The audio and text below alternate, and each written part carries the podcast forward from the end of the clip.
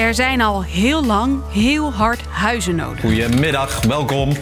Kom binnen. Maar een nieuwe afspraak van de hoogste rechter van het land heeft voor bouwprojecten grote gevolgen. Dat zal leiden tot in niet alleen een, een kostenstijging, maar ook een enorme vertraging.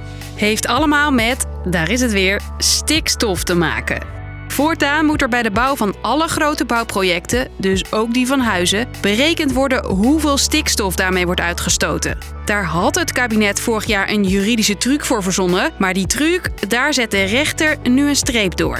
Echt een nachtmerriescenario. Ik ben Hilde en in deze aflevering vertel ik je waarom het nog moeilijker wordt om aan een huis te komen. Lang verhaal kort.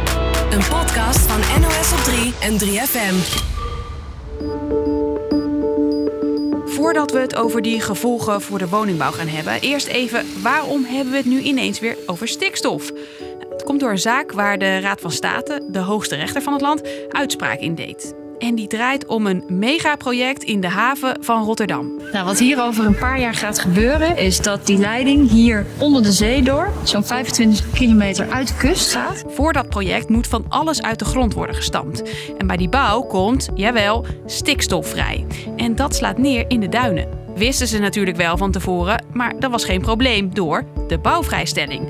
Een soort sluiproute om de stikstofregels mee te omzeilen, weet Sarah Buurman, die het stikstofdossier voor de NOS volgt. Die bouwvrijstelling die houdt eigenlijk in dat je geen rekening hoeft te houden met stikstofuitstoot tijdens bouwwerkzaamheden. Dus je hoeft niet te onderzoeken wat voor schade dat aanbrengt in de natuur. Milieuactivisten vonden die sluiproute belachelijk. Zij stapten naar de hoogste rechter en die bepaalde dat de bouwvrijstelling niet kon, maar ook niet kan worden gebruikt. En dat betekent niet alleen vertraging voor dat project in Rotterdam. Alle bouwprojecten in Nederland maken gebruik van die vrijstelling. Het kabinet kwam ermee op de proppen nadat de bouw in 2019 helemaal op zijn gat kwam te liggen na een stikstofuitspraak van de hoogste rechter in dat jaar.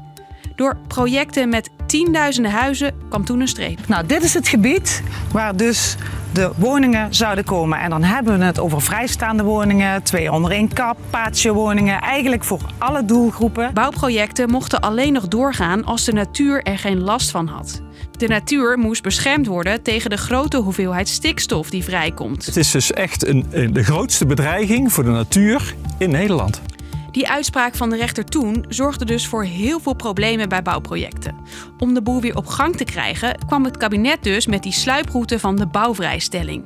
Stikstof leek daarmee even geen enorme spelbreker meer te zijn voor de bouw van huizen. Maar de hoogste rechter zegt nu dus: dit mag niet, want. De bouwvrijstelling voldoet niet aan de eisen van het Europese natuurbeschermingsrecht en mag daarom niet worden gebruikt.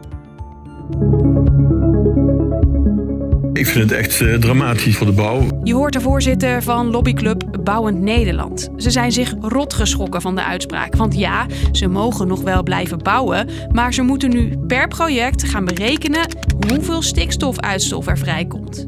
En die mensen die dat moeten doen, die zijn er nauwelijks, vertelt Sarah. Er is al een tekort aan stikstofexperts, daarom eh, zijn heel veel projecten al uitgesteld. Dat kan volgens Bouwend Nederland maanden aan vertraging opleveren. Iedereen die huizen wil bouwen, moet dus ook helemaal in kaart gaan brengen.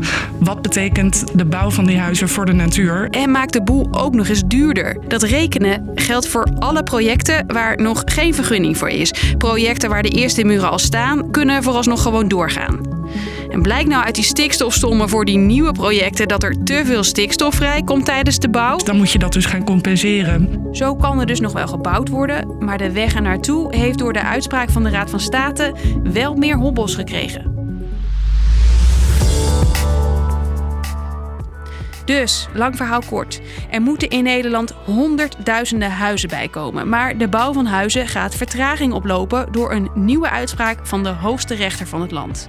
Ieder bouwproject moet nu van tevoren berekenen hoeveel stikstof er vrijkomt, om zo de natuur te beschermen. En als de uitstoot te hoog is, betekent dat compenseren. Dat was hem voor nu. Morgen bouwen wij weer een nieuwe podcast voor je, zonder vertraging. Tot dan!